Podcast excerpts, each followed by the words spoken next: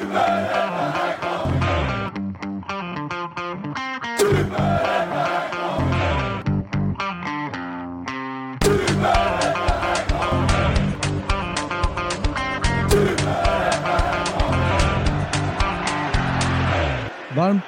välkomna till Superettan-podden som görs av Rekat och Klart. Det har blivit eh, varje vecka nu fullt manskap. Det är fantastiskt trevligt att ha Johan, Lelle och Jocke med mig.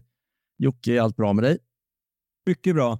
Eh, ja, hög intensitet på jobbet, eh, vankas AV i eftermiddag och eh, ny vinst med Trelleborgs damer i helgen. Så nu har vi 13 matcher i rad utan förlust. Ett kryss, 12 vinster. Eh, och så toppmöte på Vångavallen på lördag, Trelleborg mot AIK. Ja, snart är det en landslagsförbundskaptensplats ledig. Ja, vi, vi, kan ju börja med att avsluta den här hösten och, och sen kan vi se vart, vart det landar.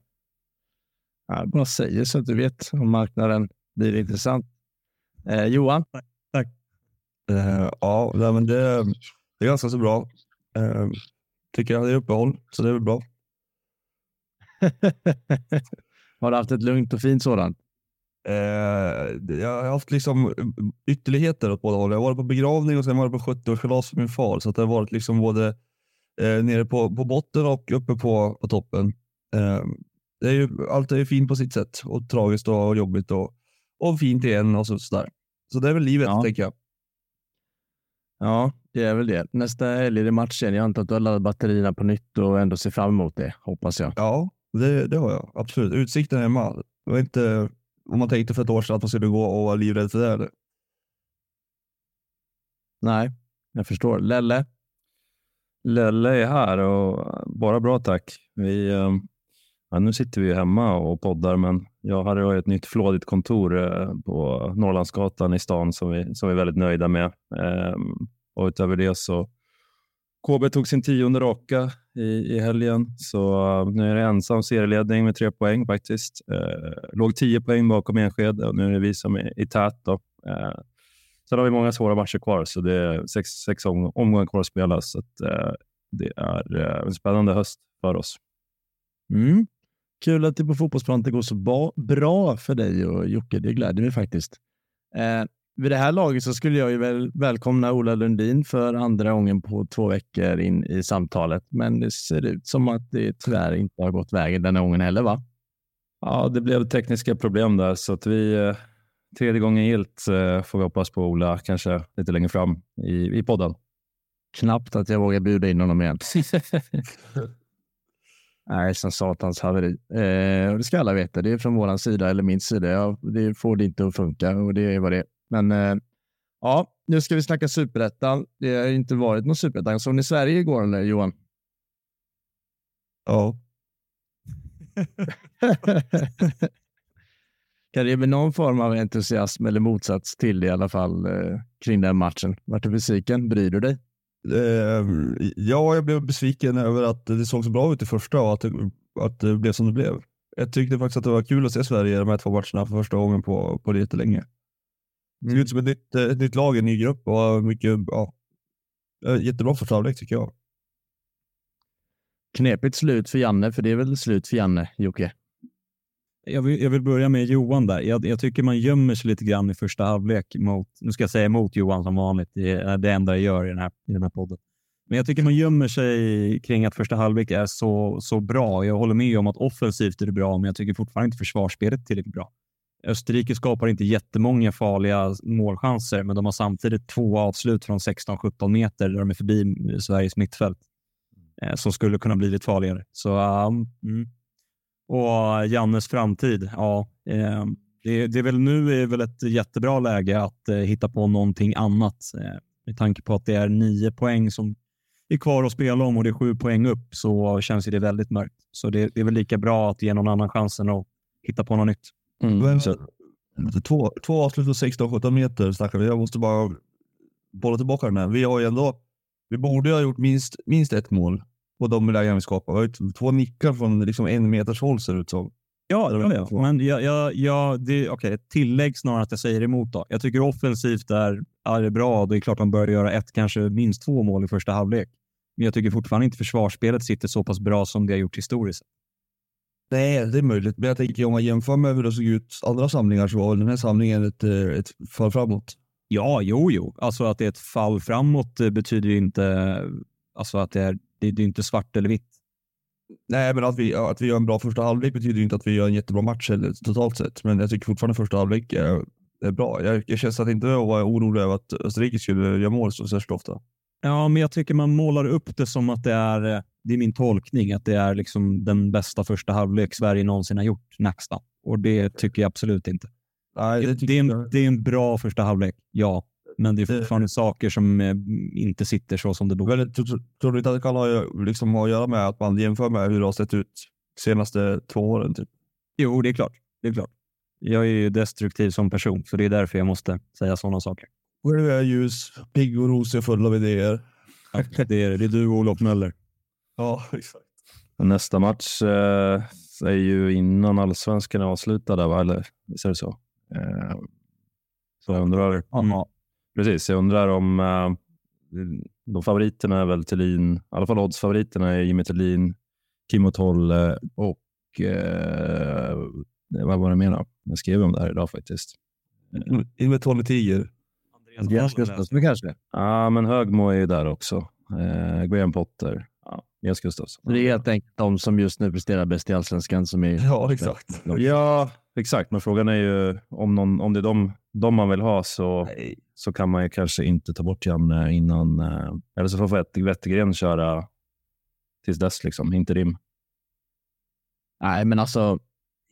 Jag tror Ja, Olof Lund nämnde det, såg jag i media också, att liksom det har aldrig skett att en förbundskapten mitt i ett kval har fått sparken i svensk mm. historia. Så det kommer inte ske här heller. Han kommer få rida ut den här vågen. Vi har missat EM-kvalet. Det är onödigt, absolut. Det är spillo av månader och tid av förberedelser inför ett VM-kval. Men, mm. men eh, i och med att det inte finns en rimlig ersättare någon annanstans än i ett allsvenskt lag som jagar guld så kommer det inte vara en ersättare kommande. Det kommer vara Jannes sista samlingar och sen kommer det vara hej då. Det är ju givet i känslan.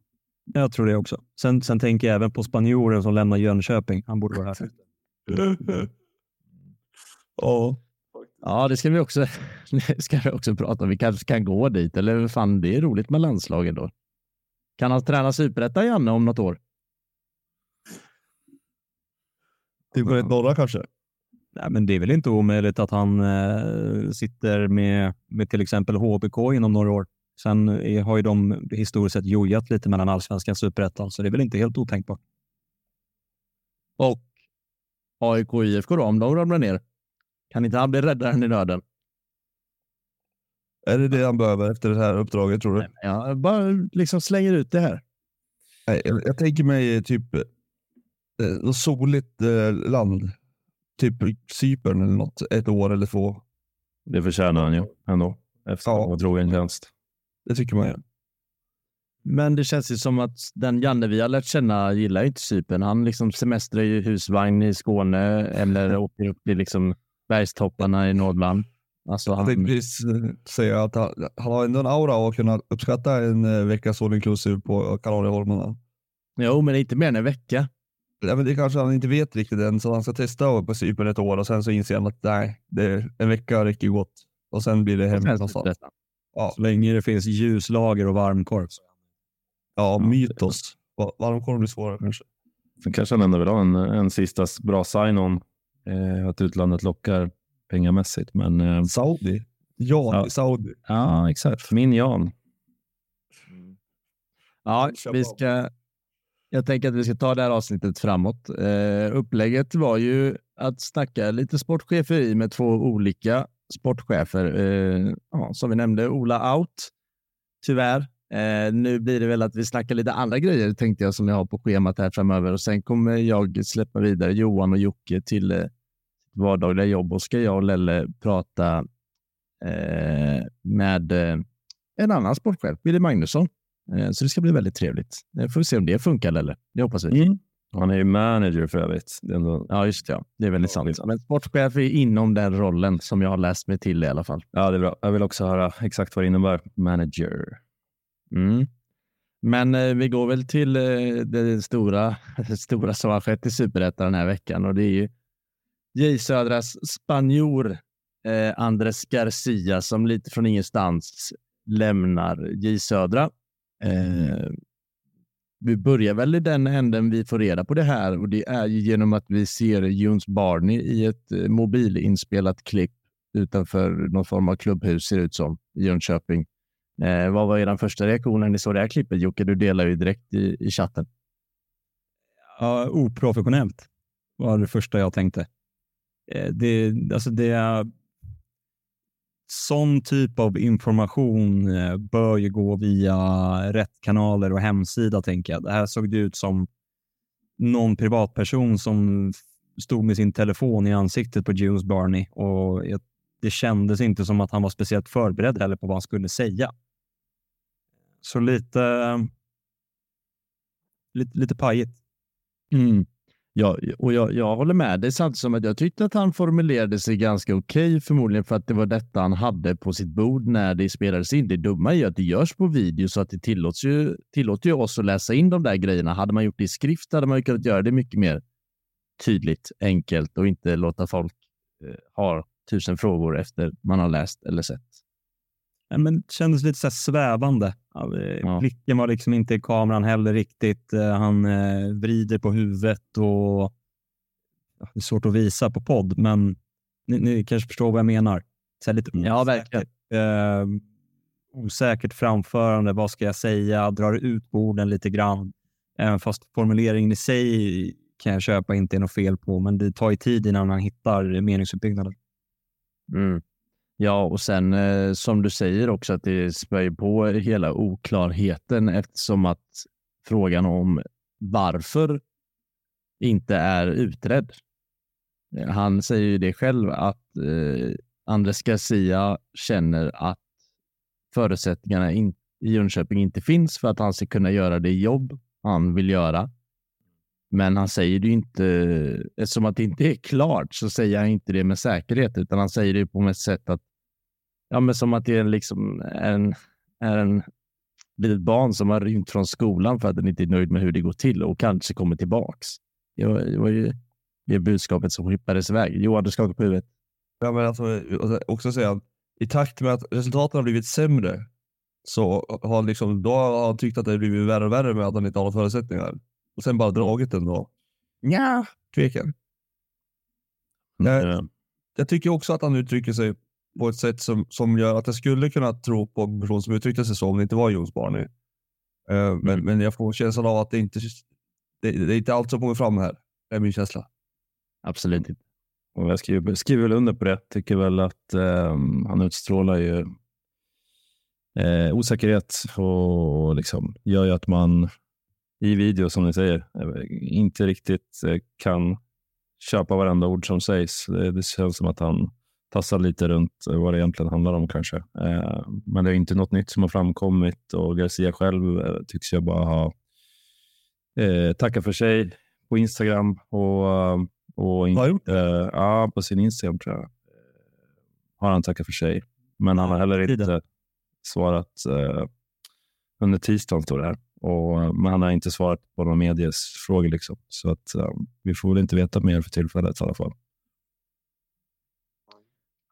Nej, jag kan i alla fall ta oss vidare i det. Jag har läst eh, på om det här och, eh, och hittat. Och det finns ju ännu fler grejer som bara är så här, hur sköts det här egentligen? Men videon kommer ut på Twitter eh, och vi alla får detta till oss och man, det blir ju, man märker ju för oss som hänger på Twitter att det är ju ganska många som, som är av samma åsikt och liksom eh, skriver att det finns ju att det är så mycket superettan över det här och eh, dittan och dattan.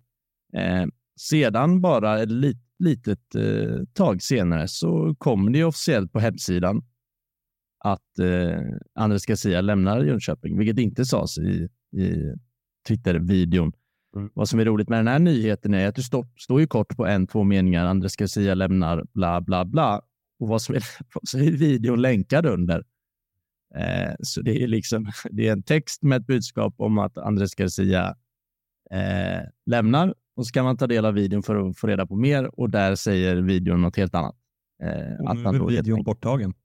Och nu är videon borttagen. Eh, och nyheten är borttagen på hemsidan. Så det står ingenting på Jönköpings hemsida om att eh, de, deras tränare inte tränar laget längre. Ja, det är ju jättelurt alltså.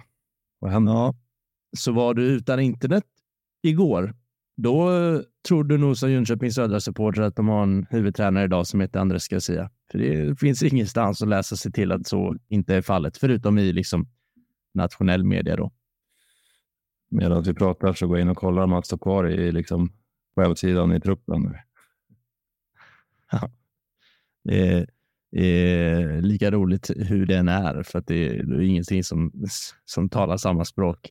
Ja, han är kvar där, huvudtränaren. Ja. Ja, det är fint. Men vi har ju pratat om, pratat om Barnys roll i det här J Södra. Eh, det känns ju som att han snart äger den här klubben och tränar den. Jag vet inte riktigt vad som försiggår. Sen är det ju bara för att det är just han på videon som man läser in sånt här. Men, men det är ju verkligen intressant. Man vill att ha en kamera på samtliga väggar i Jönköping, eller? Ja, Det är väl lite knepigt menar jag. Hela Jons Barney-grejen och Jönskö- Jönköping. Jag menar förra säsongen satt vi här och gjorde den här podden och pratade om då att han var ju spelare. Han skulle inom en period tid bli sportchef, men de hoppades på att han skulle kunna spela i Jönköping så länge som möjligt innan han går över och blir sportchef. Och då är frågan redan då, hur, hur resonerar ni här? Alltså, jag menar, Jons Barn, jag tillhör hur många klubbar som helst i Superettan. Han har väl inget hjärta till Jönköping. Ja. Vad, vad talar för att han ska prestera en jättebra fotboll och sen ta över sportcheferirollen och göra den ännu bättre? Och han var ju också i någon roll redan då, något sportsligt råd. Mm. Eh, det är en klubb som har skötts annorlunda än vad jag någonsin hört tidigare. Ja, och ekonomi är i fritt fall. Så jag menar, det finns nog mycket grävjobb att göra eh, kring hur saker och ting fungerar där. Eh, byts ut styrelse en hel del de sista åren också. Och, och många av de här gamla, gamla profilerna som, som var med och tog upp i Södra har ju lämnat förstås. Eh, så det verkar vara en klubb som eh, helt egentligen saknar fast grund att stå på, en oklar identitet dessutom. Så sen hur, huruvida, jag har inte sett insyn för att säga att Jon Sparny har eh, liksom full, full makt över vad som händer där. Eller om, liksom, eh, styrelsen är väldigt drivande i saker och ting, men eh, det är ju verkligen en klubb som eh, definitivt kan åka ur den här serien så som det känns nu. Ja, och parallellt med allt det här så liksom går det en Swish-kampanj på hemsidan och det liksom kämpas för fullt med att klara det ekonomiska. Så det kan lika väl landa i division 7 som i division 1 i känslan. Det är en eh, ganska kraftig svängning efter uppehållet för Isarra supportrar som låg fyra väl Ja, till, klipp till det här någon månad senare. Liksom. Det, ja, då tar jag hellre kanske ett eh, mer kontinuerligt eh, dåligt mående över tiden. Den svängen. Ja, Mm. vad säger eh, tränar-Jocke då? Alltså, låt, låt säga att det handlar om att, eh, så som, som barnen säger, då, att Garcia han eh, drar med svansen mellan benen här. Han vill inte åka ur. Han eh, kanske är less för att om man sålde Pachang och inte tog in något vettigt och vill skydda sitt, sitt rykte och inte... Man kanske vet vartåt det här barkar. Liksom. Vad, säger du som tränare? Om det nu skulle vara så att han tagit det beslutet helt själv. Ja, alltså det... Jag tycker ju liksom inte att eh, truppen i sig har förändrats så mycket sedan säsongstart så att man bara tappar Pashang och alla hans mål. Det är klart att det är en jättestor bidragande orsak, men det är fortfarande så att de har läckt bakåt i ja, minst ett och ett halvt års tid. Mm. Jag tycker samtliga som spelar på, på defensivt mittfält, wingbacks och i back- backlinjen är i grunden offensivt lagda. Eh, och, och Då blir det svårt att spela ett försvarsspel om du inte har en tydlig organisation i sitt försvarsspel. Så det, det här är nog eh, extremt kritiskt. Det, Jönköping är nog favorit tillsammans med Skövde på att åka ur den här serien nästan, som det känns just nu. mm, måste ju vara svårt att relatera för dig Jocke dock, som har 50 miljoner i ryggen.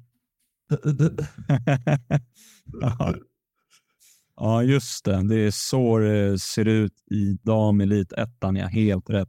Där finns det miljarder. Och 13 raka. 13 raka 50 miljoner, det är lite skillnad där du. Mm. Ja, Och med det vi gjorde under sommaren var att vi lånade in en målvakt vi tappade våran tidigare till USA. Så där gick alla pengar. Då kan jag tycka att ni borde fortbilda er inom övergångsfönster och liknande. Om ni har 50 miljoner och väljer att låna något. Kan, kan ju också så att vi har en ganska bra fundament att bygga på och har vunnit samtliga matcher efter sommaren. Så någonting rätt har vi gjort i alla fall. Vet du, då har man det bra ändå. Om man har 50 mil, behöver inte använda dem, fortsätter vinna. Du fick det bäst Jocke. Ja, fan vad bra han har det. Eh, en sista sak i den här vändan, det är ju att eh, J-Nytt, eh, Jönköpings tidning som pratat med Josef Barney, eh, ja, där säger helt enkelt sportchefen att eh, ja, redan igår, nu citerar jag den här artikeln som nu är två eller tre dagar gammal tror jag, men, eller en eller två dagar gammal. Eh, redan igår fick jag säkert tio tränare på bordet. Eh, det går så fort. Så nu är processen igång. I samma intervju, så, eller i det här Twitterklippet, är jag väldigt tydlig med att de har fullt förtroende för Oscar Garcia, som är namne med Andres Garcia, men inte har någon annan anknytning. Eh, full förtroende för honom i eh, tränarrollen fortsatt. Eh, men eh, senare i en intervju så är processen igång och tio tränare eh, ligger på bordet. Jag säger så här. Tror han att det är svårt att få tio liksom, tränare och- som kan tänka sig ja, ja visst, det beror på vilka det är. Men det, om det är division 7-tränare eller någon som liksom har spelat fotboll manager, det vet man inte. Det är ganska viktigt att få fram. Kanske Ja. Ja, jo, så är det, så är det absolut. Jag tycker, men vad som mer går att ta ut av den här är ju liksom hur det kan inte vara kul att ta över som assisterande tränare när man liksom i, i en eh, halvseriös Twitter-video några timmar tidigare får höra att man har fullt förtroende, varav att man sen får höra en intervju att det finns eh, det finns massa tränare som, eh, som, vill, eh, som vill ta över, men ännu värre, processen är igång. Ja. Eh, låter så glad också, Barney. Det borde man inte vara kanske ifall tränaren har tagit en enkel till Spanien mitt i, för att han är less på att det inte finns något deg. Typ. Ja, Nej. Mörkt. Ja, mörkt. Eh, verkligen. Vi får se hur J Södra tar sig ur det här. Eh, det är mer på tränarfronten i Superettan. Eh, kan ju gå eh, norrut till dig Johan. Eh, Mm. Dogge var på någon pro-utbildning så jag att ni skrev va? Mm, precis, så det är Joel som uh, Cedergren då, som, som har gått från kontoret väldigt snabbt uh, ner på planen eh, och nu är ass- assisterande sportchef, äh, assisterande tränare och är han också assisterande sportchef? Jag förstår inte riktigt. Nej, jag tror han har klivit av det, trots att man sa då att man tog ju in Joel som assisterande sportchef eftersom eh, Tommy höll på att jobba ihjäl sig som det, som det lät då i tidningen. Och det, det, det är mycket möjligt att det är så. Eh, om man då tar in en resurs för det, ska man verkligen ta den resursen då eh, till en annan del av verksamheten, då kommer han ju jobba ihjäl sig igen då, antar jag. Eller hur? Ja, det enda skillnaden är att fönstret är stängt, så det händer väl inte svinmycket eh, ett par månader framåt kanske. Utan det är mer det- arbete, planering. En Cedergren var en av de här tio tränarna som Junes barn har Ja, och, och hur kan han ligga på bordet nere i Gisöda om han tränar oss på dagen? Det undrar jag. Fy Fan vad dum du är. Ja, torrt. Ja, så. Torrt och. Men eh, för att fortsätta med mina skolmetaforer. Det känns ju som att Dogge iväg på utbildning är lite som att så här, man åker på sommarlov och sen är det en ny liksom, king in town när man kommer tillbaks. Jag ju, ser ju framför mig att Dogge 27 eh, kommer in till Joel Cedergren 50, eller vad han nu är, och eh, har svårt att eh, ja, höja rösten. Eller finns det inte Nej, risk för det? Nej, nej, nej. Det köper jag inte. Då hade han inte haft den rollen han har idag. Sen är de pro-utbildningen obligatorisk också. Alltså det pratar ju fyra dagar som han var borta förra veckan. Alltså, Ja, nej, nej, hallå, jag, pra, jag, pra, jag pratar inte om det faktiska han har varit iväg på. Jag menar bara mer att intåget av Joel Cedergren och den människan han är, finns det inte risk för att Dogge i fortsatt arbete riskerar att bli lite nedskjuten här? Gör det? Nej, Det- det jag, tror jag. Jag tror inte det.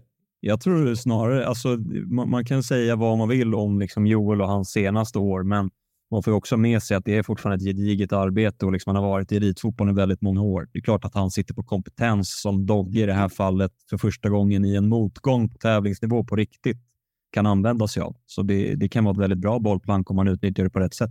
Så ser jag det. Erfarenhetsmässigt absolut, men mm, om vi pratar om hans person så har ju Joel en tendens att, att han har ju sitt sätt att se på saker och det är, det är ganska lite utrymme för flexibilitet i det, är min bild. Eh, och att då vara, komma in, och man har varit huvudtränare flera år, man har drivit ja, projektet GIF Sundsvall som det väl var under spanska eran här, fått sparken därifrån, stuckit till Örebro, fått sparken efter en match för att det liksom har blivit som det blivit. Eh, och så komma in nu här, är säkert taggad och liksom vill visa vad han går för och kanske få lite revansch då. Då tror jag att det kan skära sig lite kanske om man har en 27-årig ny tränare som gör sitt första år på elitfotbollnivå. Ja, det är min rädsla i alla fall. Det är ju A och O att de pratar samma språk nu. Att liksom, eh, jag menar, I i Dogges sitt så måste ju han eh, jag menar, hävda sig, visa att han är, är huvudtränare eh, så att han inte blir uppkäkad av, av Joel eller att det blir otydligt för spelarna inte minst. De måste ju ändå förstå vem som bestämmer. Så det återstår ju att se. Liksom. Och, jag menar, det som händer i omklädningsrummet och på alla genomgångar, det, det ser ju inte vi. Um, man kan ju inte anta att det, det kommer hända, men, men det är klart att det finns en, en risk och man ser väl en, någonstans att han kanske, eh, nu när han redan är tillbaka på planen eh, från kontoret, så undrar man ju inte om han är själv är sugen på, på huvudtränarjobbet igen, eh, eh snarare än att vara assistent. Så att, ja, man, man undrar om man har en agenda själv med att vara tillbaka, även om man förstås vill GIF Sundsvalls väl och eh, säkert respekterar Dogges roll som huvudtränare. Men i det långa loppet undrar man ju liksom vad, vad är tanken? Jag håller helt med. Jag delar den, den uh, farhågan. Men sen undrar jag också, man brukar ju säga att det kan vara bra med en ny röst ifall det har kört ihop sig liksom och sådär. Eh, eh, är det man vill ha in en till röst men ha kvar de gamla och liksom det, det känns som att det kan bli jävligt rörigt för spelarna. Alltså, det gäller ju att ja, om Joel ska lära ut ett försvarsspel eller ta, ta hand den biten, då måste den synka med allt i övrigt ju. man kan inte liksom plocka isär allting och uh, jag vet inte, det känns som att det skulle kunna bli för många kockar på något sätt i det här läget och att det blir väldigt mycket att tänka på för spelarna. Alltså är, det en, är det en tydlig uppdelning att han har försvarsspelet på, på träningarna och drillar de övningarna? Och, så det är klart att det, man kan ju se det funka. Det, jag undrar lite mer om alltså de här äldre spelarna som haft Joel tidigare. Det är ändå några, några stycken. Eh, vad har de för bild av honom?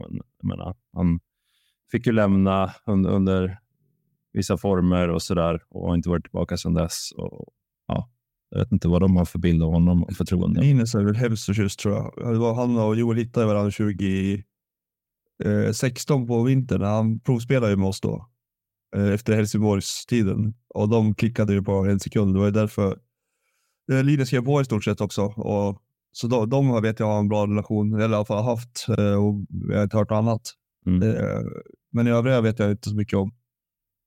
Men om man ska försöka, vi har ju lite olika åsikter här, men om jag ponera ett annat exempel då, att om man ser Dogge som någon form av taktiker i det här Sundsvallslaget som liksom bestämmer hur spelet ska spelas och eh, positioner och hur liksom man organiserar sitt lag och så vidare. Kan Joel Cedergren komma in och vara en, ah, en jävligt svag referens drar jag nu till en väldigt stor tränare på en väldigt hög nivå, men man pratar väldigt ofta om att Sir Alex Ferguson var en tränare som var duktig på att motivera sitt lag och få ut det bästa av varje spelare medan typ Wenger var en spelare med en idé och en filosofi. Kan man se Joel Cedergren bara vara en människa som kliver in i det här Sundsvall för att liksom få folk att inse allvaret och prestera liksom 10% mer bara på grund av, ja, jag vet inte, det, det sättet han har att prata med folk och ge självförtroende till människor kanske, eller sin erfarenhet. Ja, alltså så här, jag ska inte säga något annat än att, att Joel har massa färdigheter också. Han, han har ju uppenbarligen kompetens som han har bevisat eh, tidigare i, i perioder. Liksom. Och eh, jag säger inte på något sätt att han, att han är en dålig människa eller så, men han är ganska liksom, eh, han har sin bild ofta och det var väl också så när han fick sparken 2019 fick han gå upp till styrelsen med frågan liksom, vad behöver vi förändra för att vi ska klara oss kvar. Vi låg väl sist då på med nio poäng typ. Och då svarade han eh, att vi skulle fortsätta på samma spår och det, det, det, är lite min bild av Joel också, att han, han är ganska övertygad och det är väl jättebra att vara övertygad såklart, men, men eh, körde fast och körde fast och då, då behöver man kanske ha en plan B och det har inte han haft. Så att min farhåga är snarare det att han ska rätta in sig efter, efter andras liksom kanske filosofier snarare än att han inte kan bidra med något, för det tror jag. Jag tror bara att det kan bli rörigt. Jocke, vad säger du om våra tankar? Då? Alltså man har så många, alltså jag fattar ju vad ni säger, man är så splittrad någonstans i vad man egentligen tycker om det. Jag, jag, jag tycker ju att, eh, som, som jag var inne på i mitt tidigare resonemang, han är, Dogge är 27 år, den yngsta tränaren på elitfotboll. Det är hans första riktiga motgång och man får väl ändå kalla Sundsvall en stor klubb i superettan i alla fall. Det, det var man väl inte fel på. Och då, jag tycker att det är liksom ett moget beslut någonstans, om det nu är han som ligger bakom det, att inse att men jag kanske behöver några nya infallsvinklar. Jag behöver eh, ett annat sätt att uttrycka samma arbetssätt, men kanske en annan pedagogik i hur man ska få ut det. En ny röst i det här fallet tror inte jag kan göra det sämre än vad det faktiskt har varit. Eh, Johan, du var inne på i förra avsnittet med 120 insläppta mål på ett och ett halvt år.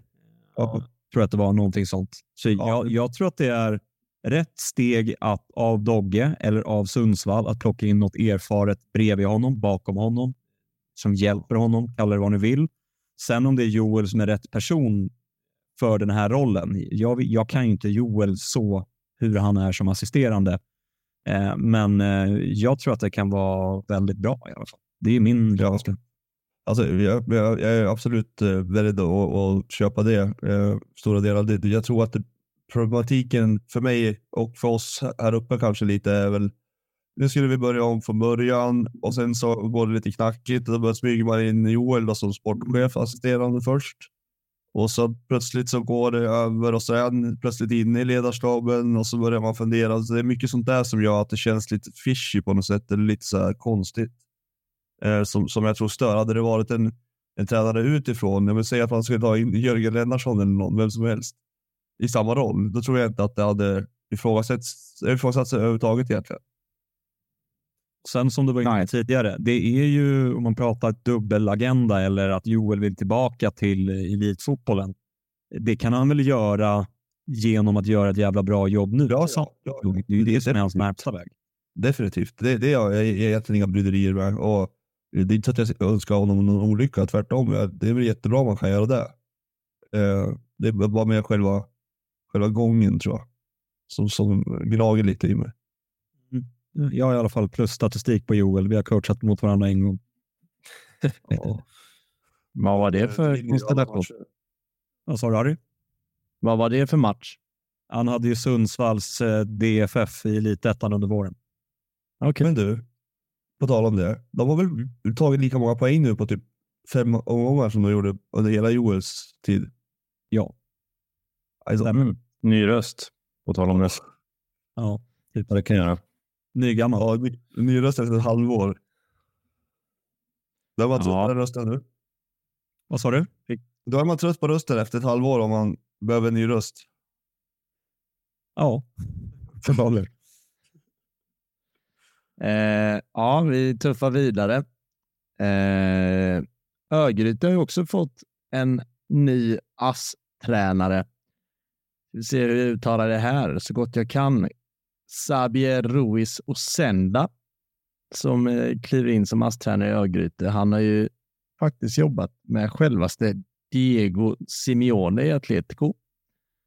Eh, bara en sån sak. Eh, sen vet jag inte till hur hög nivå, men med analys och matchförberedelser vad jag läst mig till i alla fall. Och ÖIS har ju ett samarbete med Real Sociedad eh, och det är där han, eh, de han tillhör och han har jobbat med ÖIS akademi eh, och dit ska han också, eller jag har förstått som att han ska återgå till att jobba med akademin när säsongen är över. Men det här är också något krisdrag som görs. Eh, hur ser ni på det? Eh, Åbin ut var ju snack ett tag, men det här kanske är lösningen. Mm. Känns ju mer, lite mer sexigt ändå än, än CDG in i Giffarna. Det som är, är redan gjort. Få in den här Chabier, det, det tycker jag. Mm. Jag gillar det, bara på namnet. Jag har ingen aning om han är bra eller inte förstås. Men eh, spanskt i lirarnas slag, eh, absolut. Go, go, go. Ja, alltså, ja, det kan ju låta sexigt, men, men samtidigt man ska liksom se och försöka göra någon take på spansk fotboll så känns ju det inte direkt som en quick fix att man bara blir bättre över dagen. Att kunna, om man jämför det Cedergrens, vad vi tror är primära arbetsuppgifter, liksom sätta något form av försvarsspel, så kan ju det gå snabbare än att utveckla spelarna offensivt och hitta massa kombinationsmönster och vara kreativa. Mm. Så det känns lite, lite sista minuten med den här uh, spanjoren, tänker jag. Men jag tror det är samma lösning där, att han ska foka på defensiven. Var det inte så, Harry? Eh, jag har förstått det som att han ska foka på, alltså på saker och ting innan matchdag, alltså scouting av motståndare och matchförberedelser. Ja, nu tar jag tillbaka allt. Ja, han är väldigt skicklig på försvarsspelet, ett område som vi vill förbättra, säger Åbin själv om Xavier. Ja. Nej, men då, då, då, så, då är det något helt annat. Då är det något helt annat än vad jag resonerar kring. Då känns det sexigt. Känner du Åbin honom eller? Ja, du hörde inte, vi la ju ut min. Va? Ja, jo, jag hörde väl. Men ja, alltså, han är väldigt skicklig på försvarsspelet sa jag i frågan. Vi vet att... Ja. Han har jobbat i ÖIS akademi. Jobbar i... Jaha, okej. Du. Okej, okej, okej. Då hörde jag fel. Ja. Okay, förlåt då. Nej, det är så lugnt. Eh, min take på det hela är ju att ÖIS inte hittar en utväg eller en bättre ersättare än Jeffrey Aubin. Eh, supportrarna skriker, resultaten kommer inte. Jeffrey Aubin presterar absolut inte. Något måste hända. Vi kan inte sparka honom. Eh, vi tar in den här grabben som egentligen bara är ett namn och en nyhet, men det får alla runt omkring att tro att vi gör någonting. Det är en bra take. Tack. Nej, men det känns väl rimligt. Ja, väldigt. Ja, ÖIS har ju till skillnad från Sundsvall liksom förstärkt i mängd offensivt. Samtidigt som de har tappat Hadi, men eh, det är ändå eh, Holmén in på mittfältet. Det är ju Dahlström som vi har pratat om och, och även Edi Silusefaj kom in på slutet också. Så det finns ju lite att jobba med. Vadå i mängd? Vi har ju alltså i... Jo, men ingen av dem spelar ju. Det är bara Dormas som spelar. Uh, ja, kanske det. Men, men han sa väl ingenting om att ni inte har tagit in i mängd? Alltså att ÖIS har tagit in mer spelare. Fler ja, spelare. Så, till skillnad mot Sundsvall sa han? Ja, ja det, det, sa jag, men ingen har, ja, men jag upplever inte att Sundsvalls nyförvärv spelar. Pepper har väl typ inte gjort en minut i Superettan till exempel. Nej, inte särskilt offensiv heller. Nej, nej. Det är ju inte Kevin Holmén heller. Nej. Ja, men det känns som att du har ju sett ett lag med, med, spelare som i närtid inte alls har presterat sina klubbar, men om man bara ser deras namn så är det ju spelare som ska göra det väldigt bra i ÖIS. Så är det väl ändå. Jag tänker att Edis Sifai är en av dem som man tänker att bara man kollar något år bak så är han alldeles för bra för Högryte. Mm, borde vara potentiell skytteligavinnare inför en säsong när man ser på mm. egenskaper. Absolut. Och det känns som att ÖIS har, har ett ganska gott kapital med sådana namn. Men de får det inte att funka. Men ja, eh, det har ju varit landslagsuppehåll nu och värvningarna har gjorts. Vi får väl se vad som sker. Men eh, ja, Jeffrey Åbyn, eh, han sitter, eller det känns som att han ändå, han tävlar om sitt jobb här nu va? Det gör han väl? Ja, självklart är det så. Ehm, det behöver ju ja, men dels klara det, men kanske dess, dessutom att eh, man ser förändringar i, i ja, framförallt försvarsspelet såklart. Eh, det är det som gör att man inte tar några större poäng. Eh, men att det är en, det är en positiv trend rent liksom spelmässigt och utvecklingsmässigt också. Eh, om man ska ha chans att vara kvar nästa år vid, ja, om, om ÖIS klarar sig. Ja, Johan och Jocke, eh, jag har förstått det som att eh, tiden har, är kommen för att ni behöver dra. Tack så mycket för den här gången. Tack själv. Tack själv. Mm, mm. Tack själv. Det blir spännande att höra Billy och Landskrona-tankarna sen i efterhand. Ja, och nu har vi Billy Magnusson, manager i Landskrona med oss i samtalet. Billy, min första fråga. Manager, vad är det för knepiga titlar ni har i Superettan nu för tiden? Ja, men jag måste testa olika saker här. Men uh, tittar jag på mig själv så har jag ju varit uh, huvudtränare och sportchef i Landskrona Boys i ett halvt år. Sen efter det så, så valde vi ju att, att, att ta in en sportchef, Erik Edman, och, och han hängde i nio månader. Sen avslutade han den. Då till Michel Ekberg som var eh, klubbchef och eh, över det sportsliga ansvaret egentligen och gjorde det i början på detta fönstret. Men jag kände väl utifrån att varit i klubben så länge och att på dubbla stolar eh, där vi befann oss nu så, så vill jag lägga lite mer tid på det sports, sportchefsjobbet, om jag använder uttrycket, med, med bygga scoutingorganisationer och eh, även förberedelsefönster som kommer och är ännu nära vår akademi. Så att, när jag valde det, eh, ta det steget så hängde jag ändå i lite i ledarstaben. Men det är också tydligt nu att det är Max Möller som är huvudtränare och vi har tagit in Adrian Iglesias som, som eh, assisterande ihop med Mia Kilic och, och Thomas Gottman som vårstränare och så vidare. Men vi valde att Kalle Manager som fortfarande är med i viss del med dem, men det är de som driver det dagliga och sen så lägger jag extra mycket fotboll på sportcheferiet. Men är du med samtliga träningar på vecka eller hur ser det ut? Nej, alltså på plan är väldigt lite. Det är bara något individuellt vid något tillfälle. Men jag är där och tittar oftast och, okay. och eh, kan väl liksom vara behjälplig. Men det ska också vara tydligt med spelarna och det, det, det är det. Eh, det var viktigt för mig och viktigt för Max också. Så att eh, Max driver det upp med sin stab och gör det fantastiskt bra. Framförallt sista matcherna har ju varit resultat, men även del prestationer som man, man blir väldigt glad i som manager då, där man sitter mm. som, som sportchef. Var det tydligt att du skulle bli, ta det ansvaret och inte Max? Det känns som ni har jobbat ihop länge och, och måste känna varandra ut och in. Och ja. hur, hur resonerar ni fram till, till uppdelningen om man säger så? Så vi resonerar väl kanske inte så mycket kring hur vi skulle dela upp det, utan det var att jag kände eh, efter, jag kan säga vi, redan på när vi gick på uppehållet där eh, efter tio matcher tror jag det var, eller tolv hade spelat bara. Funderade väl lite grann vad som var bäst för, för klubben och vi skulle ta det här vidare och det hände ganska mycket fönster. Så jag ville lägga mer fokus på det och eftersom jag har haft det ansvaret tidigare så var det naturligt att, att jag tog det och sen kan jag ju säga också, det är lätt att säga, men Billy du kompis med Max, ja det är klart vi har jobbat länge ihop, men jag vet hur duktig fotbollstränare han är och inte bara han utan staben runt om. Så jag känner väl också att det där kommer de fixa galant utan, eller med, med mindre närvaro mig och, och, och eh, så kan jag lägga mer fokus på andra saker. Det föll sig naturligt när väl klubben eh, kände att de ville ha in mig i den rollen då. Men det var ju för mig det kom så att de kunde sagt nej, vill antingen du tränar eller får du gå hem. Men, men de, de ville ha det så här. Och det, intressant. Så känns det som att det varit intensiva veckor, men eh, jag ångrar inte beslutet i dagsläget och framför allt utifrån att vi har bra prestationer på plan också. Gör ju att det, det känns bra. Eh, jag fick bilden av när det skedde, att det var helt ditt egna beslut. Var det så eller var det några påtryckningar från klubben om förändring? Nej, helt eget beslut. Och jag har haft diskussioner med inte så mycket folk i klubben, men det är klart att några av mina medarbetare har förstått på mig att jag har gått i de tankarna. Men samtidigt är jag som människa att jag kräver mina spelare att det är 100 fokus på, på den uppgiften jag har. Och jag kände sen också att jag började vara med i mina tankar kring sportcheferiet och, och hur vi skulle ta kurvan framåt. Och när jag blev lite splittrad så till sist sa jag att eh, jag, jag, tycker inte jag står för det att jag är 100 närvarande på, bara på tränaryrket. Jag blandar för mycket. Då, då, då sa jag det helt enkelt eh, att jag vill göra så här, men det är upp till er. Men, men eh, det kom helt och hållet för mig och eh, sen om man kunde vara tydligare tidigare. Jag vet inte. Jag, jag går inte runt och, och, och pratar om att ja, men om det händer, då gör vi så. Utan jag kör all in hela vägen. Jag väl känner att det är jag inte hundraprocentig då. Då vill jag att någon annan som ska göra det bättre i det fallet. Jag kan, kan bidra med andra saker. Då, då vill jag ha det så. Det, det vill jag ha mina spelare. Då ska de ha mig också. Så det kom fullt ut för mig. Eh, Sen om det var rätt eller fel, eh, det vet jag inte, men det känns rätt och det har blivit bra också.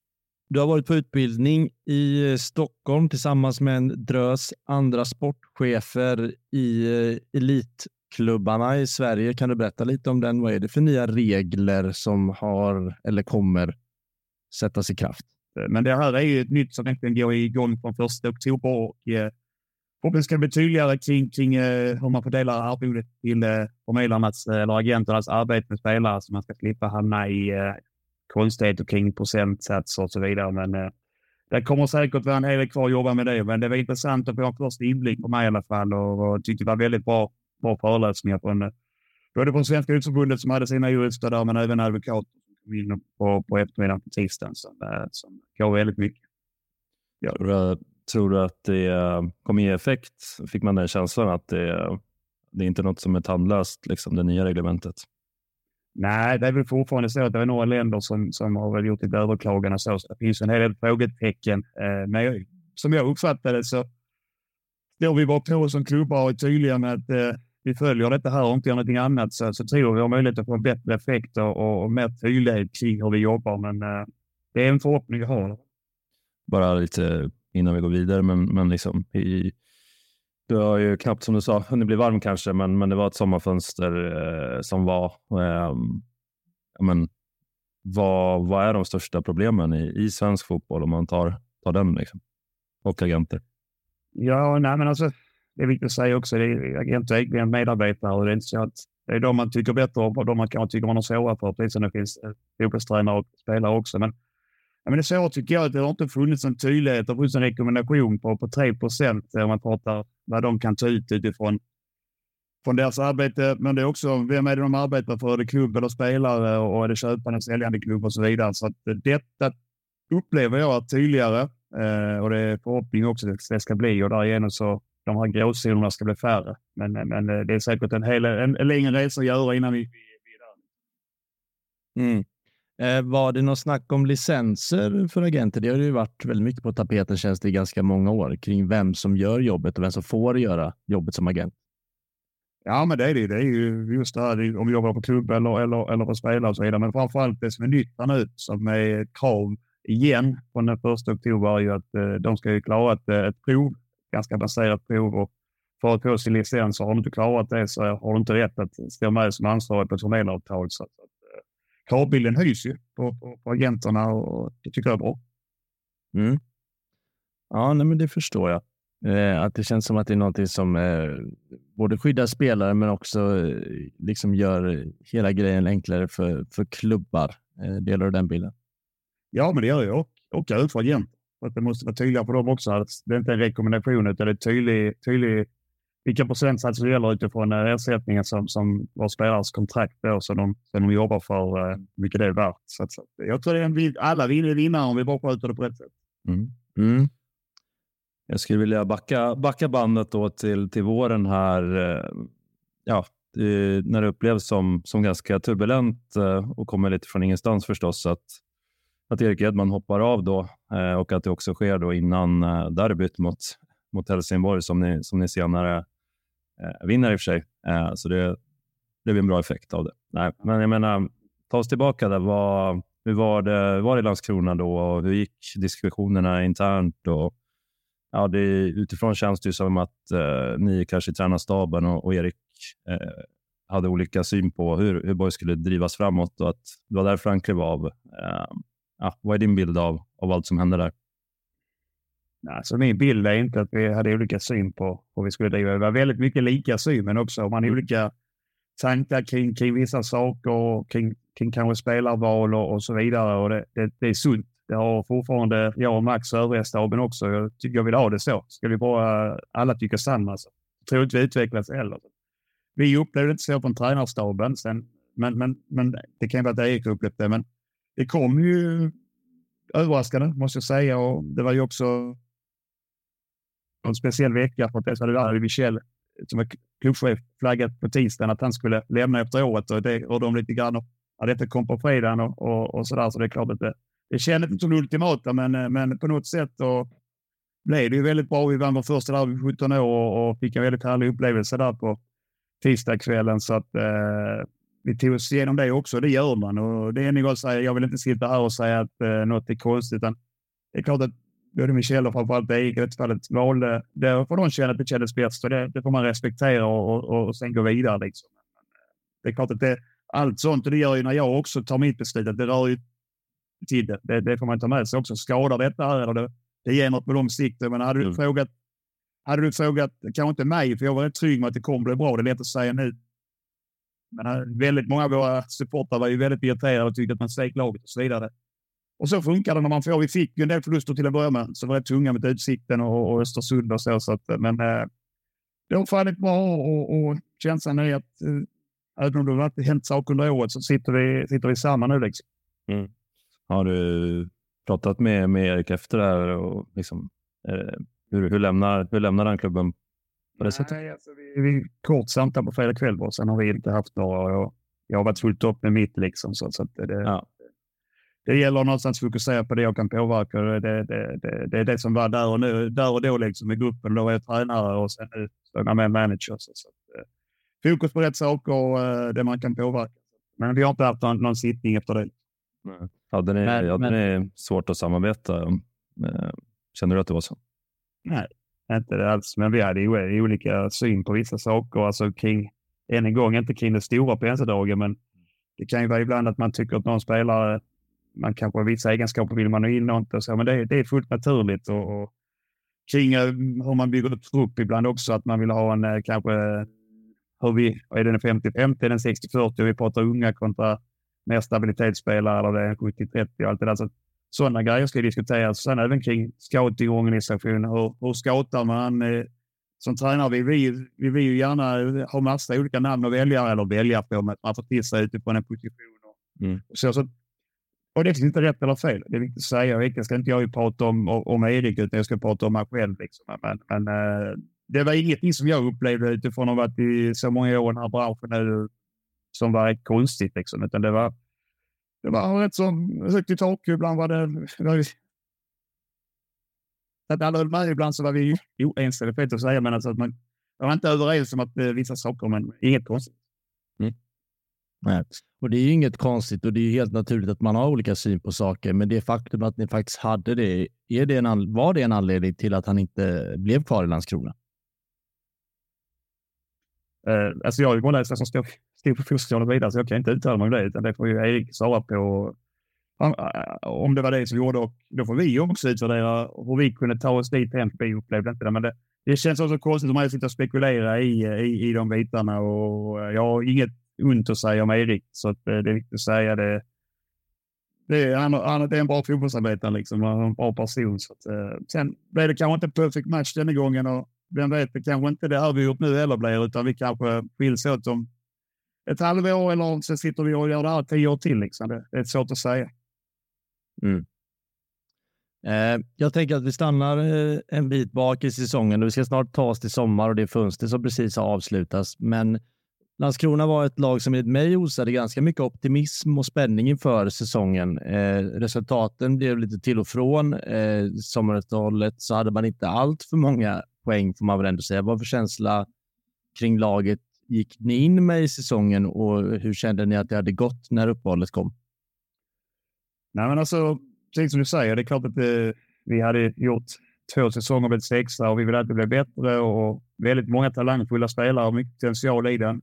Sen ska man ha med sig att vi tappade Filip Ottosson som jag tyckte var superettans bästa mittfältare året innan och även Melker Heier som, som eh, vi har sett vad han gjort i allsvenskan. Så vi hade två tunga tapp med oss in också. Eh, jag tror att man ibland glömde bort det. Men truppen var ju blandad. Vi fick, så vi fick ju rejäl omgång av, Djurgården. Alltså, Jag tyckte inte att det speglade fullt ut som matchen var, men, men det 6 ska man inte snacka bort. Och sen så slog vi VP, så det svängde redan där lite grann. Sen kom vi in i serien och fick två raka förluster va, mot, mot eh, Sundsvall borta och Utsikten hemma. Och det, det är klart att det, det är inte den bästa starten med en ung trupp, men jag tyckte eh, där gjorde vi små justeringar inför, inför eh, Skövde hemma och fick träff på det. Och sen så tyckte jag ändå att resten av våren, om vi använder det uttrycket, eh, var helt okej. Vi slog HIF, slog Örebro, vi slog ÖIS borta och eh, Gävle hemma. Så vi hade några rejäla toppar och också kanske någon som det blir mot ungt lag lite ojämna. Men jag tror vi landade in på sjätte plats i, eh, när vi gick på sommaruppehåll och det. Med tanke på starten och, och sådär så tyckte vi det kändes helt okej. Eh, gjorde det. Vi hade, lite, vi hade bra siffror, men hade, om man ska göra det enkelt för sig så hade vi inte riktigt fått utdelning utifrån både gjorda mål och så vidare. Men, men siffror är en sak. Det är det som händer på planen som avgör. Liksom. Mm. Eh, jag vet att det inte är helt korrekt att ni vann varannan match med 3-0 och förlorade varannan match med 3-0, men det var lite känslan jag hade. Kände du att ni mycket blandade och gav? Eh, håller helt med dig där. Och det var ju något som vi vi ändå vred på. Vi gjorde ju om lite. Vi, gick, vi spelade över 3-4-3 egentligen fram till den här Skövde-matchen. Sen gjorde vi om lite grann med framförallt med Jonsson som vi använde som en eh, hybrid mellan mittback sexa och vi hittade en tia-roll till Kopi Asare som han gjorde väldigt, väldigt bra och låg rätt nära Diawara då så, så det blev ett bra, bra kombo mellan dem. Och sen hade vi, ju, flyttade vi Camille ännu bredare ut så han låg ju slicka linje liksom. Och så satte vi han en mot en varje gång motståndaren stängde ner Kopi eller Widell och, och så. så vi, vi, jag tyckte vi offensivt så hade vi väldigt lösningar, men vi varierar väldigt mycket i vårt försvarsspel och därför kunde det bli så också att när, när vi inte satte målchanserna så hade och vi, vi hade en dålig dag försvarsmässigt så kunde det rassla till och bli 4-1 mot Östersund och det blev som sagt 3-0 mot något lag och så också. Så att ja, ojämna, det var vi. Mm. Om vi då tar oss till sommaren. Du nämnde ju två namn där som inte tillhör Landskrona längre. Melke Videll och Camille Jebara. Det finns ju en risk alltid när man spelar för bra eller när du har en spelare som presterar på för hög nivå eh, i superettan, då blir det oftast av med dem. Visste ni att ni skulle bli det när fönstret öppnade? Hur jobbade ni kring de här två spelarna? Var det, var det ett faktum att det handlar bara om att casha in här eller försökte ni behålla? Hur, hur gick det resonemanget? Ja, nej, men alltså, i det fallet var jag ju tränare och då är min uppgift att ett, vinna fotbollsmatcher, men två, också utveckla mina fotbollsspelare. Så det var därför vi justerar ju lite grann på bland annat sätt de här två killarna, men även fler som vi är inne på som är, har väldigt mycket potential där de kan få ut så mycket som möjligt. Men ändå måste vi bygga ett lag som vinner fotbollsmatcher. Så, att, så det var nummer ett, det var hur vi ska maximera deras prestationer och, och ge dem möjligheten att, att kanske få, ett, på några bud på sig. Liksom. Eh, när vi sen kom in så för mig var det ganska givet att Camille skulle bli såld. Det, det, det, jag trodde redan att vi skulle tappa honom på våren faktiskt. Men, men eh, när vi inte gjorde det så var jag helt övertygad om att han skulle bli skadad. Eh, att, att vi skulle sälja honom. Så det, den där kände jag att vi, den kom, den kom för mig väldigt väntat. Melker Widell var ju ny från Olympic och även vi hade bra koll på honom. Han är ju en Landskrona-kille och, och så via det, det gick ju väldigt fort för honom, men han var ju väldigt bra också. Så jag hade trott faktiskt att vi skulle ha kvar honom året ut, men jag visste också att det kunde trilla in för att han gjorde några väldigt bra prestationer framför framförallt i mitten på våren liksom där, där han var, tyckte jag, ja, han var Superettans bästa mittfältare också. Nu säger jag att alla är bäst, men, men jag tyckte verkligen, bland, bland de bästa, jag är glad på Daniel Elfsson också, kan inte glömma honom, men, men, men jag gjorde väldigt bra. Och, så, men jag trodde vi skulle behålla honom, men och det, det såg jag branschen. Liksom. Det, det, det handlar väl bara om att vi, hur vi hade förberett oss för att hantera det.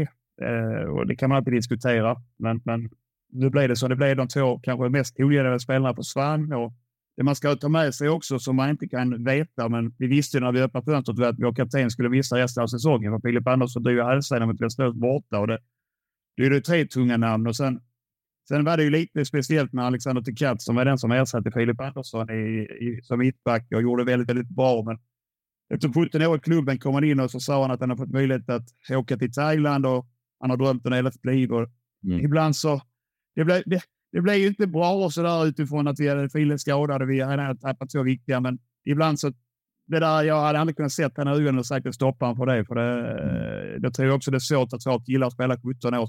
Det blev egentligen fyra väldigt tunga namn som försvann eh, under sommaren. Liksom. Mm. Mm. Och spelarna, spelarna som kommer in där då, det är, mm, som ni ofta jobbar i Landskrona så är det ju spelare som kanske behöver ett anpassningsår för att, för att sen växa. Det har ju varit så många gånger, eh, mera värvningar. Eh, mm. ja, men ta sig igenom det, liksom. Hur, ja, men, köpa potential, värva potential kontra behöva någonting här och nu som går in direkt. Hur, eh, hur gick tankarna och vilka tog ni in? Nej, men alltså, för det första var det väldigt speciellt. Det är första gången vi tappar i ett sommarfönster så många. Vi har knappt tappat någon på sommaren utan alltid varit där vi har haft en försäsong och byggt upp dem. Så då har man väl tryggare kanske att ta in de här spelarna som du beskrev. Så det är klart att eh, mm, kanske eh, när man tränar, så då hade man sina åsikter kanske. Men, men eh, jag blev glad när vi fick in Samuel Kottum. Jag använde det faktiskt in på det. kändes som att det var en spelare som jag var väldigt trygg med skulle gå rakt in. Eh, tittar man vi tog in så tog vi in, som du säger, Samuel Borkowski från Olympic etta. Eh, Spetskvalitet, framförallt när vi låg med breda yttrar som vi, gjorde där en period med Camille och vi även vi kanske försökte spela med två breda yttrar. Alltså. Och han ju fram väldigt mycket av sina egenskaper. Nu åkte han tyvärr på lite hjärtproblem, så det är frågan om han spelar med det detta året. Han har varit med några matcher. Rasmus Wendt som vi tog från Lund är lite samma spelartyp och just som vi är inne på att vi tappar Camille, men vi och när vi tappade Melker Widell så funderade vi på att vi skulle ha två breda ytterforwards, inte mer som vi har nu med två kanske väl ytterbackar, alltså wings då. Så, så att, två liknande typer eh, som kom in eh, och ja, Rasmus gjorde några fina matcher i början, men nu har han lite svårare på slutet. Men det tar så lilla tid. Samtidigt så har vi också bytt lite positionering på den spelartypen, så att eh, han får väl jobba in sig på den i lugn och ro med, med Max och gänget. Sen var det ju, eh, jag säga så vi inte glömmer någon, vi fick in Bruzelius ju, tidigt i och med att vi visste Filip Andersson och när till Katz också. Så att Bruzelius i Gustav och eh, han tror väldigt mycket på. Hade lite otur, men något, eh, gjorde något väldigt bra inhopp mot Jönköping och sen var han typ matchens lirare mot AFC. Tyvärr så kom det ett misstag som gjorde att den matchen från att ha full kontroll tappade vi och förlorade med 2-1. Eh, och det är klart att det är alltid tufft som ny spelare och så händer det och så så där. Men, men eh, han, han, han visar upp där, där, där är mycket potential i honom och jag tror vi kommer ha nytta av och det gäller de andra också. Som vi fick in där och sen fick vi också in Fredrik Ihler ganska sent. En dansk eh, 03 hårt arbetande forward som eh, framför allt det jag upplever också gör att Ussi Diawara får lite avlastning i det här fysiska spelet eh, längst upp på plan. Så det, det, det, var skönt att få in den typen av forward också. Eh, och sen då Samuel Kottus som kom in också. Och till sist, eh, men det var ju jag som räckte honom för det var ju sporträtt. Unai Vega så vi in också i eh, en spansk mittfältare som vi vill ha här nu säsongen ut och se var vi landar i det. det är en intressant spelare och så fick vi in Adrian som spansk talande attesterande så tyckte jag det var absolut läge att testa den ingången och att utvärdera. Det kan jag naturligtvis ta nytta framöver. Utan Unai så, så, så passade det alldeles bra när vi kände att vi la in en mittfältare till eftersom vi Erik Hedenqvist vill skada så att Melker Jonsson någonstans det, han får spela mittback resten av säsongen och han är ju bäst där också, men, men det var svårt att flytta upp mittfältet nu också. Och att få rätt balans i truppen så är det viktigt att finna mittfält. Och så flyttar vi även upp eh, Xavi eh, från, eh, från vårt U19 som vi brukar göra. Så det är också en spelare som tycker är väldigt bra på sikt. Hoppas mm. inte jag glömde någon där, då får ni rätta mig. Jag hoppas inte heller ni glömde någon där, för i så fall har ni värvat så in i satan. ja, men det har vi gjort. Det var väldigt olikt. Så. Ja. Ja. ja. ja men jag tänker när, när ni gör det här skiftet då, och jag får mig att om jag inte minns fel, Max vinner ju första matchen va? Trelleborg, exakt. Men sen kommer det ju en, en, en sämre period um, och då börjar man ju snabbt tänka att ni har sålt bort era chanser. Och, ja, det går ju, vi har ju pratat om det ofta i den här podden att vi, ja, vi, vi måste vänta och se lite. Vi, vi drar ibland för snabba växlar av, av en kort liksom, dipp eh, eller topp. Eh, hur kände du där? Liksom, var, var du lite orolig för att vakuumet skulle bli blir för stort eh, av de här försäljningarna. Eh, för därefter har det ju uppenbarligen eh, lossnat igen. Eh, Derbyseger och, och Brage och Gais har ni till och med tagit. Så att, eh, just nu har ni en, en väldigt fin trend. Ja, nej, men precis. Nej, men det var lite oroligt. Dels så tog det ett tag innan vi fick in Alltså ledarstaben blev komplett med Adrian in. och det påverkar också. Eh, uh, vi in både en ny röst men även en komplett ledarstab och det var ju faktiskt efter utsikten. Adrian har kommit in och obesegrad så jag hoppas jag fortsätter resten av året. Uh, men det är klart, det var lite, lite var det ju. Samtidigt så var det också så att vi, både Samuel Kotto och Fredrik Ilo kom egentligen in i samband med att vi gjorde den här förändringen. Uh, och ganska snabbt tyckte jag Samuel Kotto, när han blev utvisad mot Trelleborg, visade att det här, det här kommer tillföra väldigt mycket. Och Fredrik Ilo hade kanske en liten resa. Han kom ju från en försäsong i Danmark, men, men när man såg hans kvaliteter också så fick vi in två spelare som faktiskt har gått rakt in i laget. Och, och, och det, det som också man ska nämna, och, och det var ju framförallt, vi hade ju två i mittfältare som hade det väldigt tufft här under, under våren i, i David Edvardsson och Adam Egnell av olika anledningar. Men redan tyckte jag när de kom tillbaka och David faktiskt innan uppehållet så såg man att nu är han på rätt väg och sen har de ju varit så det, är nästan två nyförvärv till vi har fått in och, och så där. Så, att, så att jag tycker att eh, Max och gänget får ihop det laget väldigt bra och sen ska man vara ärlig att Brage hemma är ju en nyckelmatch för oss för att vi då kommer vi från två förluster. Vi är inte bra. Eh, Brage med lite mer kvalitet och lite bättre i så tror jag de hade straffat oss på några bolltapp här i första halvlek och då tror jag vi förlorade matchen. Istället så gör vi första målet. Eh, tror det är Koffi så gör det ganska tidigt i andra och sen så eh, vinner vi matchen med 3-0 och då faller axlarna ner och sen så istället då på vi kommer in med en jobbig känsla i derbyt så kanske HIF känner shit, det har vi allt att förlora. Så går vi in och vinner den på det sättet, då höjs ju självförtroendet boosten ännu mer och på det. Sen har bara farten slår vi Gais också och, så där. Så att, eh, lite orolig, ja, men samtidigt såg jag också att vissa spelare eh, skulle gå in och bidra ganska snabbt. Både Kotto och Ilo, men även då Adam och, och, och, och David. Alltså, det är klart, Brage-matchen, jag kan inte ljuga om den. Den är jätteviktig för oss. Det, det, det var den. Um, självklart har ju du koll och sett på de här spelarna innan de klev in i ert ställ, men in, det har ju inte vi på alla och den som jag kanske har tyckt varit mest dominant av dem man har fått sett spela eh, sedan av de som har kommit i sommar är ju Samuel Kotto. Visste du att han var så bra som han har varit? Mm, alltså visst, det är lätt att sitta och säga att man vet, men vi, hade, nej, men vi, vi, vi såg ju det. Ganska dominant ut. Nej, men, men ja, det gör han. Det gör han absolut. dominant. Men det är mycket, där ska Erik också ha cred för att eh, när han tittade på Olympic, Edman då, förra året, så, så var det Melko Widell och det var ju Samuel Kotto liksom, som, som vi pratade om att, ja, det var någon till, Hugo Pelin men, men som vi kände att det där är klass.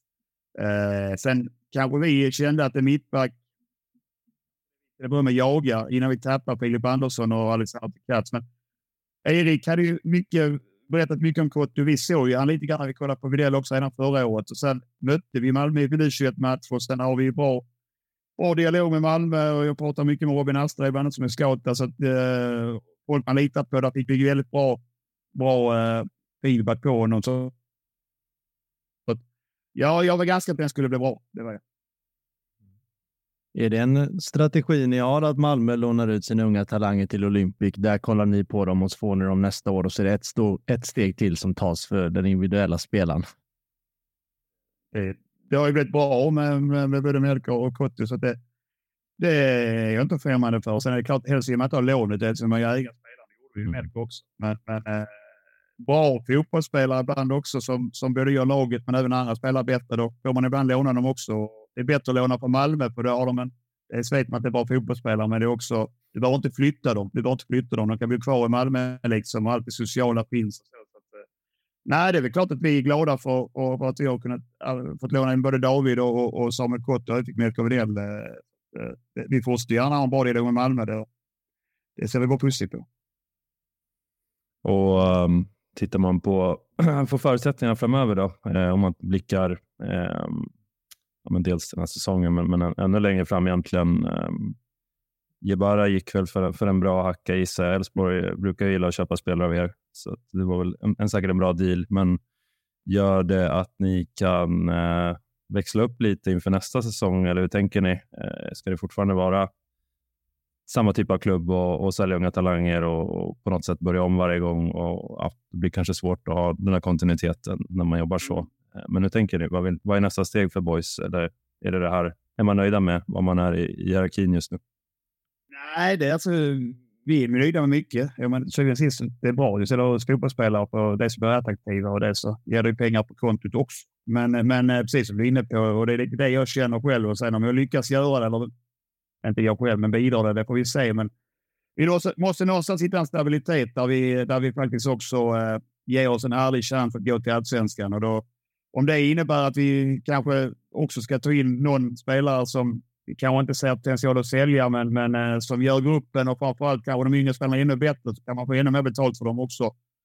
Då är det positivt. Plus att till syvende och sist så hoppas jag att majoritet, eller inte jag hoppas, alla spelare ska vara för att vi ska ta upp boys i allsvenskan. Sen på köpet, är de tillräckligt bra så blir de kanske köpta redan innan, men det är viktigt också att eh, vi inte bara får utvecklas, utan det är en, det är en det är en positiv grej vi har, men vi är, ska vinna fotbollsmatcher också och flytta boys framåt. Så svaret på den frågan utan att bli för omständig så kanske det är så att vi även måste titta på uh, någon, någon spelare som vi inte tror vi ska sälja, men som kommer göra gruppen och, och, och uh, övriga unga spelare ännu bättre.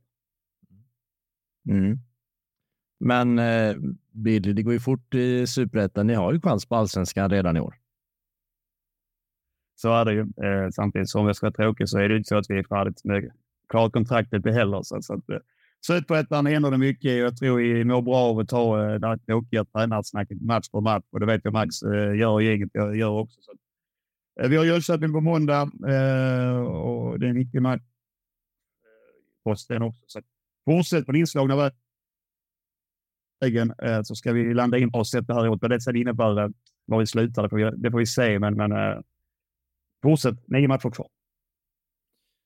måste bara fråga, de här derbysegrarna, det måste ju ändå, vad sa du, första på 18 år och sen följer ni upp med, med en till på Olympia också. Det måste ju ändå varit eh, en speciell säsong redan nu med tanke på, på derbysegrarna. Nej, men så är det. 17-18 år var det senast vi vann över dem och sen var det väl 22 år sedan vi slog dem hemma borta. Så, att, eh, nej, men det är klart, det är något man som Landskronabo eh, det är speciella matcher. Det är mycket prestige och någonstans så sitter vi på tronen nu. Vi har Vunnit de två senaste och ligger även före, före dem i tabellen. Men sen till syvende och sist så, så för mig är det ändå viktigast att vi gör en bra helhetssäsong. Men, men, men det där är något som eh, gör att den här säsongen eh, kommer att vara något som man pratar om längre framöver. Liksom. Landskronaborna är ett stolt folk med, med hög kravbild och det där har de ett bra av. Vill man att Helsingborg åker ur som Landskrona-supporter och, och eh, inne på kansliet där? Om jag ska vara ärlig så tror jag att alla mår bra av att vi är samma serie. Sen har vi ett olaget i allsvenskan bägge två, men, men eh, vi ska till att komma dit före dem. Men, eh, det är ju en, alltså, du kan se det på andra sätt. Det är jätteroligt att spela de här matcherna inför, vi hade väl 8 000, de hade väl 10, nästan 11 000 och, och, och en härlig inramning hela veckan snackas det om det och eh, där är ju också ekonomiska vinster eh, just för vår hemmamatch är ganska mycket pengar och de får in också. Jag tror till syvende och sist, och det tror jag Malmö håller med om också, jag tror att man skulle vilja se både tre och fyra lag med Trelleborg också i, i samma serie, och det är allsvenskan. Men, men eh, sen är det ju ändå en hatkärlek, så att, eh, det är inte så att jag blir ledsen när Helsingborg förlorar. Det, det, det, det blir jag ju inte, men det blir ändå bra. De här matcherna mår alla bra. Det förstår jag. Billy, tack så jättemycket för att du gästar och vi önskar dig lycka till här fortsatt under säsongen. Ja, Lelle, det här klarar vi väl bra utan både Johan och Jocke. Flyter på bättre utan dem så är det bara, framförallt tekniskt verkar det som. Så att, eh, vi kanske får uh, skicka iväg dem varje gång vi ska intervjua någon framöver. Ja, vi måste i alla fall hitta en lösning på den här eh, tekniken, men ja, vi ska inte klaga till våra lyssnare. Det tror jag inte de tycker är så intressant, men han är ju, han är ju väldigt pratklar Billy och han är väldigt trevlig att, att samtala med. Han, mm. han är ju mycket trots att när vi ställer mot sin spets där med Edman så det är klart, han var ju inte i en roll vid den tiden att egentligen uttala sig kring det kanske. Nej, både och. Alltså, vad man har förstått så, så var det väl att Edman ville gå en riktning och, och klubben eller tränarna, eh, lite osäker på vad, eh, inte riktigt ville följa hans pipa, liksom, eh, gå efter den. Och då, då valde han att kliva. Eh, jag tycker ändå att eh, vi får ut från, från Billy att eh, det var en del grejer man var oense om och att det var kanske mycket av det som påverkade Erik Edmans beslut. Sen så, jag menar, han, han berömmer ju Erik också för hans arbete där och kring Kott och värvningen som han scoutade fram. Så det verkar ju inte vara så mycket hard feelings i alla fall eh, om man ska tolka det på det sättet. Nej, som du säger, det är nog inga hard feelings, men eh, absolut mellan raderna så låter det som att eh, man tyckte olika helt enkelt.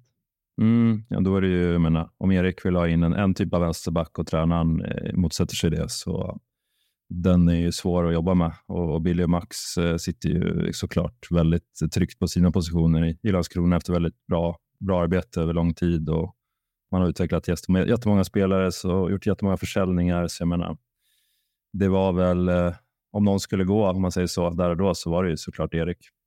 Ja. Ja du Lennart, det var denna gången. Tack så mycket. Ja, tack själv. Tack själv. Vi ses och hörs om en vecka. Det gör vi och det gör vi även med er lyssnare. Tack för att ni är med oss. Eh, nytt avsnitt när matcher har spelats nästa onsdag. Det här har varit Superettan-podden som görs av Rekat och Klart. Ha det gott. Super!